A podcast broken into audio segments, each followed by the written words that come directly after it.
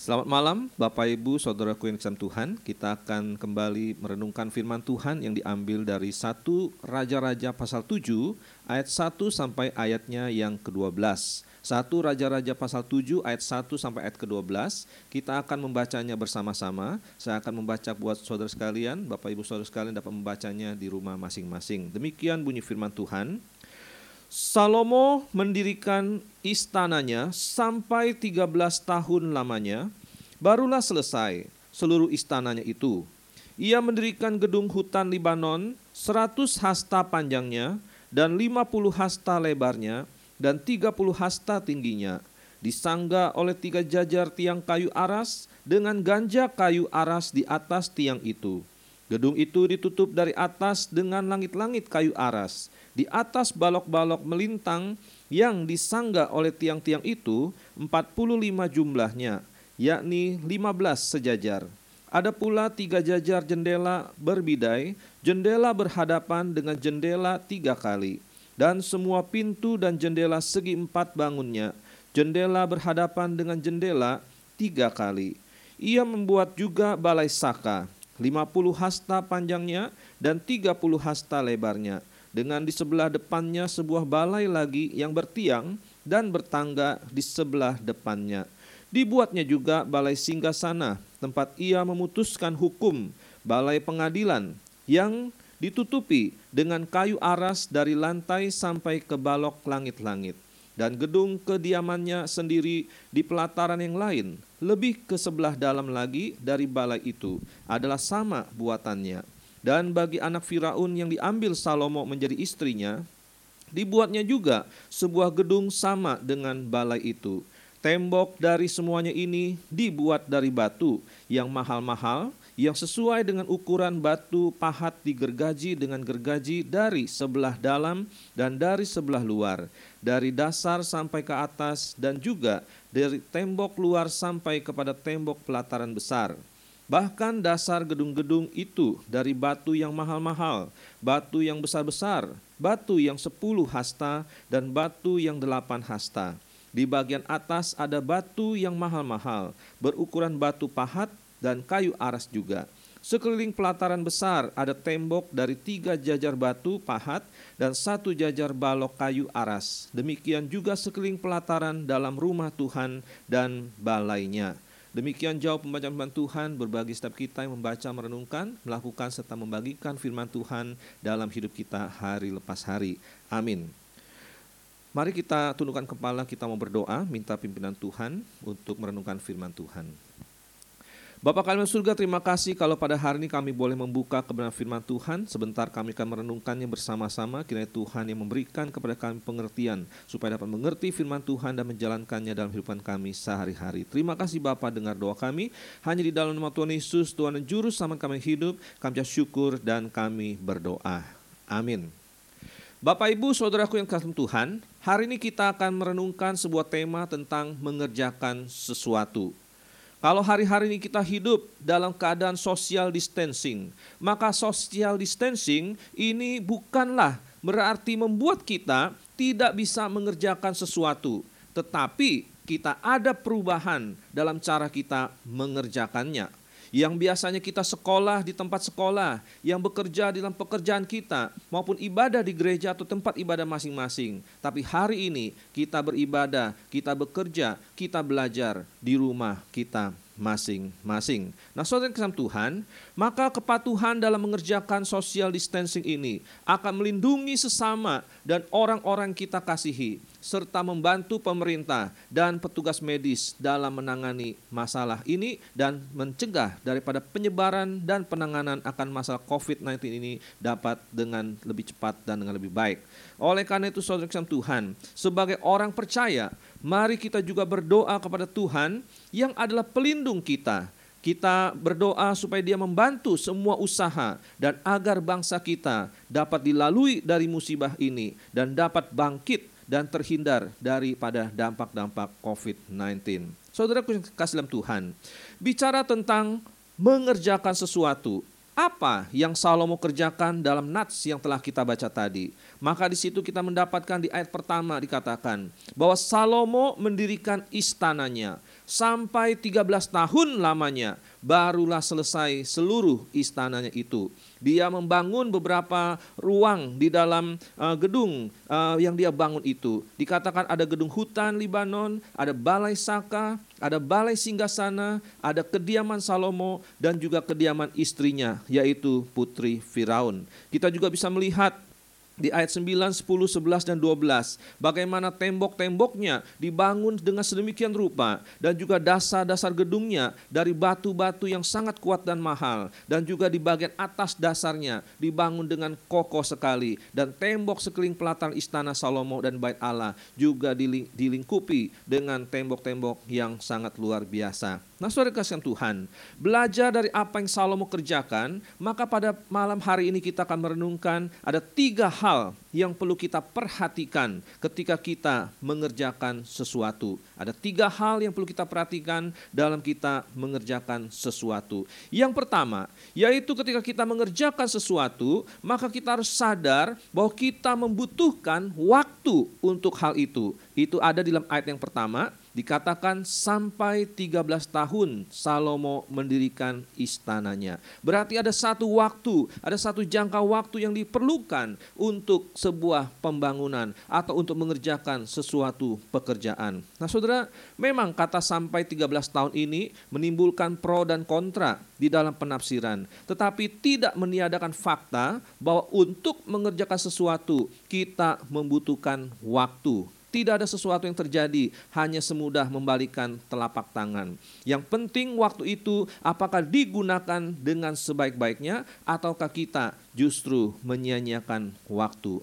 Bapak Ibu Saudaraku yang sangat Tuhan, kalau kita memperhatikan Allah kita, maka Dia juga bekerja bukan hanya melampaui waktu, tetapi juga di dalam waktu di mana di dalam proses penciptaan kita bisa melihat Allah bekerja di dalam waktu. Ada hari pertama, ada hari kedua, hari ketiga sampai hari keenam dia menciptakan dunia beserta dengan isinya dan manusia sebagai puncak ciptaannya dan pada hari ketujuh dia memberkati semua ciptaannya dan dia memberikan waktu di mana kita bisa bersekutu dengan dia. Kemudian juga kita melihat bagaimana Allah bekerja di dalam waktu yaitu dengan kedatangan Kristus baik yang pertama untuk menyelamatkan kita maupun yang kedua nanti untuk mengakhiri akan dunia ini dan membawa kita untuk kembali bersama dengan Tuhan di surga. Nah, semua itu ada di dalam waktu tidak uh, sembarangan, tetapi ada waktu dan kita kenal itu adalah waktunya Tuhan. Nah, saudara yang kesem Tuhan, serta juga kita bisa melihat betapa sabarnya Allah terhadap kita.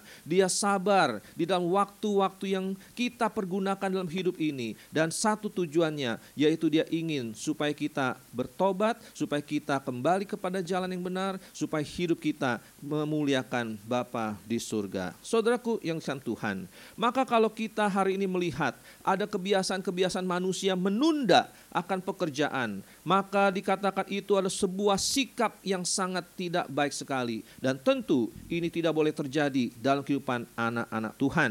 Ada orang kebiasaannya menunda pekerjaan sehingga dia katakan butuh waktu tambahan. Saudara, Apakah ketika waktu tambahan itu diberikan, maka dia bisa menyelesaikan pekerjaannya? Saya rasa tidak. Kenapa? Karena kalau sudah menjadi satu sikap mental penunda, maka ketika diberikan waktu tambahan pun, maka orang itu pasti tetap akan mengerjakan tugasnya, yaitu dengan sistem SKS, yaitu apa? Sistem kebut semalam. Dan kita bisa percaya bahwa hasilnya sudah pasti akan tidak baik dan tidak maksimal, termasuk juga akan masa depannya. Oleh karena itu, saudaraku yang Tuhan, marilah kita sebagai anak-anak Tuhan, jangan memiliki sikap menunda-nunda atau menghambur-hamburkan waktu kita, tetapi kita menggunakan waktu yang Tuhan berikan untuk mengerjakan sesuatu dan menghasilkan suatu hal yang berguna bagi kemuliaan Tuhan, bagi berkat, bagi banyak orang. Nah saudaraku yang sang Tuhan, pada satu kali ada dua orang sahabat yang bekerja sebagai pembawa air dari atas gunung kepada penduduk di kampung mereka. Sama-sama mereka tiap hari pulang dan pergi membawa dua ember di tangan mereka untuk membawa air untuk keperluan orang-orang di kampungnya. Nah, kemudian satu di antara mereka berkata, "Bagaimana jikalau kita berusaha untuk memasangkan sebuah pipa untuk uh, disambungkan dari mata air itu menuju kampung kita?" Dan tentu itu semua perlu waktu. Tetapi temannya yang satu berkata, "Ah, itu suatu pekerjaan yang sangat sulit dan suatu hal yang tidak mudah untuk dikerjakan. Lebih baik saya cukup puas dengan pergi pulang pergi dan mendapatkan upah dari hasil pekerjaan saya saja." Maka Singkat cerita, si temannya yang punya ide yang cemerlang ini akhirnya melaksanakan apa yang menjadi idenya. Dia memang membutuhkan waktu memasang pipa demi pipa dari satu pipa kepada pipa yang lain membutuhkan berbulan-bulan, sedangkan temannya melanjutkan kegiatan seperti biasa dan mendapatkan uang seperti halnya eh, sehari-hari yang didapatkan. Tapi satu hari saudara kasih Tuhan, pipa yang disambung itu akhirnya sampai kepada perkampungan dan apa yang terjadi? Bahwa pemuda yang punya ide yang cemerlang ini akhirnya tidak perlu lagi pulak balik kepada naik gunung dan turun ke perkampungan untuk membawa air. Air itu datang sendiri dan membawa hasil yang maksimal bagi dia. Sementara teman yang satu lagi bagaimana? Dia akhirnya menyesali akan waktu yang dia buang karena sekarang dia sudah semakin tua dan tenaganya juga pasti tidak akan semakin tidak akan cukup kuat untuk terus berbulak-balik membawa air. Nah, saudara yang sentuhan, di sini kita melihat bahwa mereka sama-sama menggunakan waktu, tetapi yang satu lebih bijak dalam menggunakan waktunya, sementara yang satu lagi dia menggunakan waktunya dengan tidak sebaik-baiknya. Saudaraku yang Tuhan, untuk mengerjakan sesuatu sekali lagi butuh waktu dan waktu yang diberikan Tuhan pada kita harus kita gunakan dengan sebaik-baiknya. Saudara, Tuhan Yesus juga masih memberikan waktu kepada kita pada hari ini. Dia mau supaya kita menggunakan waktu yang dia berikan untuk bertobat Jikalau kita mungkin selama ini ada melakukan hal-hal yang tidak berkenan pada Tuhan, masih hidup di dalam kesenangan-kesenangan dunia, maka Tuhan katakan selagi masih ada waktu, maka engkau harus bertobat, datang percaya pada Tuhan dan hidup benar di hadapan Dia. Tetapi satu hari waktu itu akan berhenti dan di saat itulah kita harus memberikan pertanggungjawaban kita kepada Tuhan. Maka saudara, ketika Tuhan masih beri waktu pada kita, maka gunakanlah itu sebaik-baiknya untuk datang kepada Dia dan mengalami perubahan hidup. Yang kedua, kita belajar daripada Salomo bahwa ketika dia mengerjakan pembangunan bait uh, pembangunan istananya ini, maka dikatakan dia membangun berdasarkan apa yang menjadi kebutuhannya. Ada uh, ruang-ruang, uh, ada balai-balai yang dia bangun berdasarkan fungsi-fungsinya. Maka pelajaran kedua yang bisa kita dapatkan pada malam hari ini adalah ketika kita mengerjakan sesuatu, maka kita harus mengerjakan sebuah pekerjaan untuk menjawab kebutuhan. Kita harus punya prioritas di dalam mengerjakan sesuatu. Kebutuh uh, dan itu semua dimulai dari kebutuhan kita yang utama.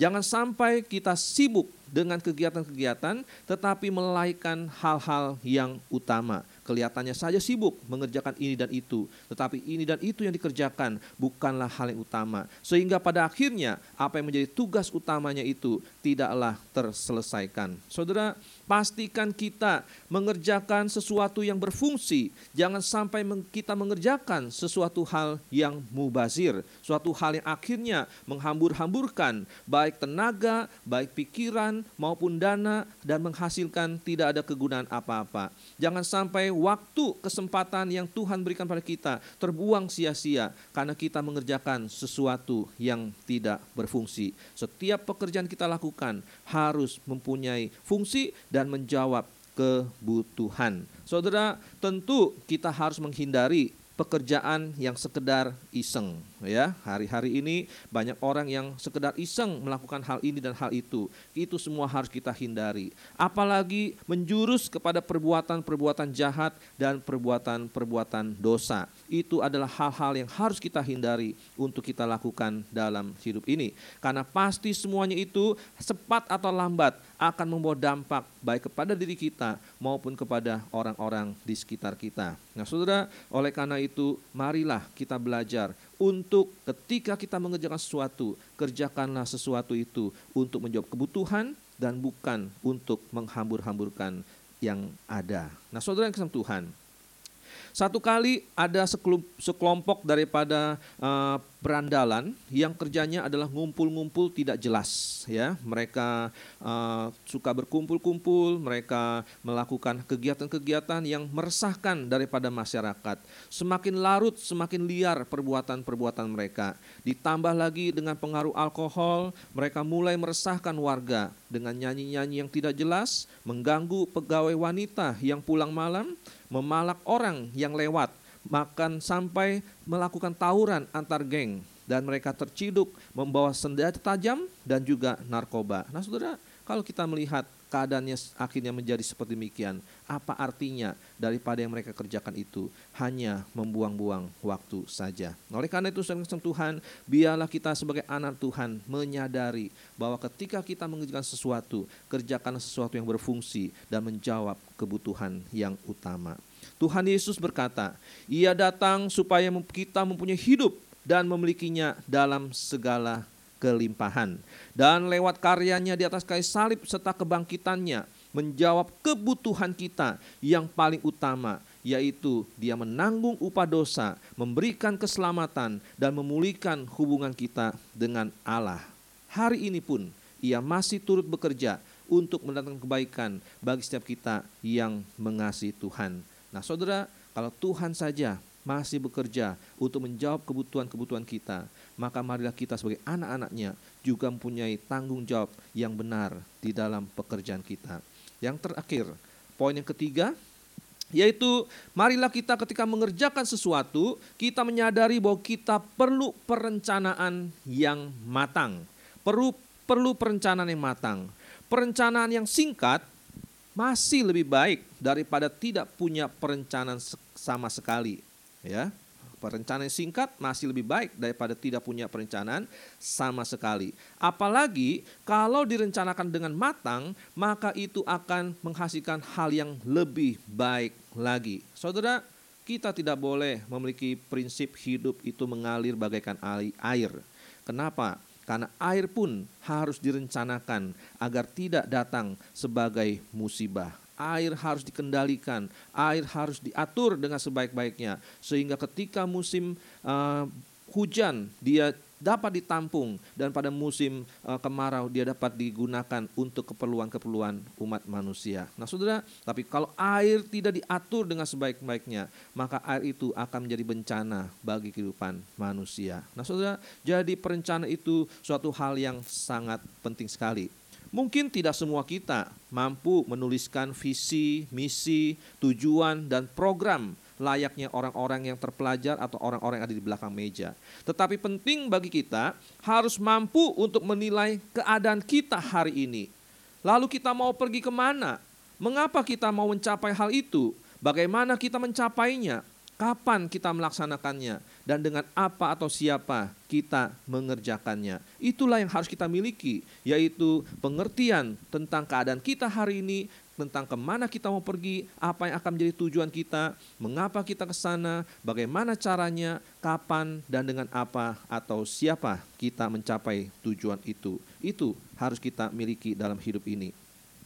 Perencanaan yang matang pada akhirnya akan membutuhkan eksekusi perencanaan yang sebaik-baiknya tanpa eksekusi, maka hasilnya akan nol. Nah, saudara, selain eksekusi, kita juga memerlukan yang kedua namanya inovasi. Sebab tanpa inovasi, maka apa yang kita kerjakan akhirnya mungkin satu waktu tidak akan menjawab kebutuhan di masa yang akan datang. Oleh karena itu semuanya kita harus kerjakan dengan sebaik-baiknya, dengan perencanaan yang matang, dan tentunya dengan memohon pertolongan dan penyertaan Tuhan. Nah, jadi kita harus berdoa, kita harus bekerja dan semua di dalam perencanaan. Kenapa saudara? Karena firman Tuhan katakan, sertakanlah Tuhan dalam perencanaanmu. Karena manusia boleh berencana, tetapi Tuhan juga yang menentukan. Dan dia punya rencana, rancangan yang indah, jauh lebih baik daripada yang sanggup kita rancangkan, yaitu rancangan damai sejahtera untuk mendatangkan kebaikan masa depan yang penuh harapan, termasuk dalam masa-masa sulit kita pada hari ini. Marilah kita serahkan setiap rencana-rencana kita kepada Tuhan, biar Tuhan yang menolong kita. Sebab Tanpa kita menyertakan Tuhan, maka semuanya tidak akan berjalan dengan baik. Nah, saudaraku yang sam Tuhan, maka sebagai akhir kata daripada renungan kita pada malam hari ini, jikalau kita ingin mengalami keberhasilan dalam apa yang kita kerjakan, manfaatkanlah waktu dengan sebaik-baiknya. Yang kedua, marilah kita kerjakan hal-hal yang utama, bukan hanya sibuk tanpa tujuan, tapi kerjakan hal-hal yang utama. Dan yang terakhir, milikilah perencanaan yang matang. Eksekusilah apa yang sudah saudara rencanakan itu dan ber, uh, memiliki satu uh, inovasi dalam saudara yang saudara kerjakan dan mintalah penyertaan Tuhan. Niscaya apa yang saudara kerjakan Tuhan akan berkati dan akan menjadi berkat bagi banyak orang. Biar Tuhan menolong saudara sekalian. Kiranya firman Tuhan pada malam hari ini boleh sungguh menguatkan kita untuk menjadi anak Tuhan yang berhasil dalam setiap apa yang kita kerjakan Biar nama Tuhan dipermuliakan, saudara sekalian diberkati. Mari kita tukar kepala, kita mau berdoa. Bapa kami yang di dalam surga sekali lagi, kami ucap syukur untuk firman Tuhan yang mengingatkan pada kami bahwa Tuhan memiliki rencana yang indah dalam kehidupan kami. Oleh karena itu, biarlah dalam apa yang kami kerjakan, di dalam setiap perencanaan-perencanaan kami, kami senantiasa menyertakan Tuhan di dalamnya bukan semata-mata atas pikiran-pikiran kami saja, terlebih lagi hanya berdasarkan keinginan-keinginan kami, tapi biarlah kami mengerjakan apa yang menjadi kehendak Tuhan dalam hidup kami, dan biar Tuhan memberkati dan menjadikan semuanya itu berhasil. Biar Tuhan tolong supaya kami sebagai anak-anak Tuhan mempunyai sikap yaitu tidak menghambur-hamburkan waktu, tetapi menggunakan waktu yang Tuhan berikan dengan sebaik-baiknya. Dan biarlah kami sebagai anak-anak Tuhan, kami juga mau mengerjakan hal-hal yang utama, bukan sekedar sibuk tanpa arti dan tujuan. Terima kasih Bapak, biar Tuhan berkati di dalam pekerjaan kami, di dalam studi kami, di dalam rumah tangga kami, di dalam pelayanan kami, bahkan di dalam rencana-rencana ke depan, biar Tuhan jadikan semuanya berhasil. Hanya di dalam nama Tuhan Yesus, Tuhan dan Juru Selamat kami hidup, Allah yang memiliki dan mengasihi kami. Kami berdoa. Amin.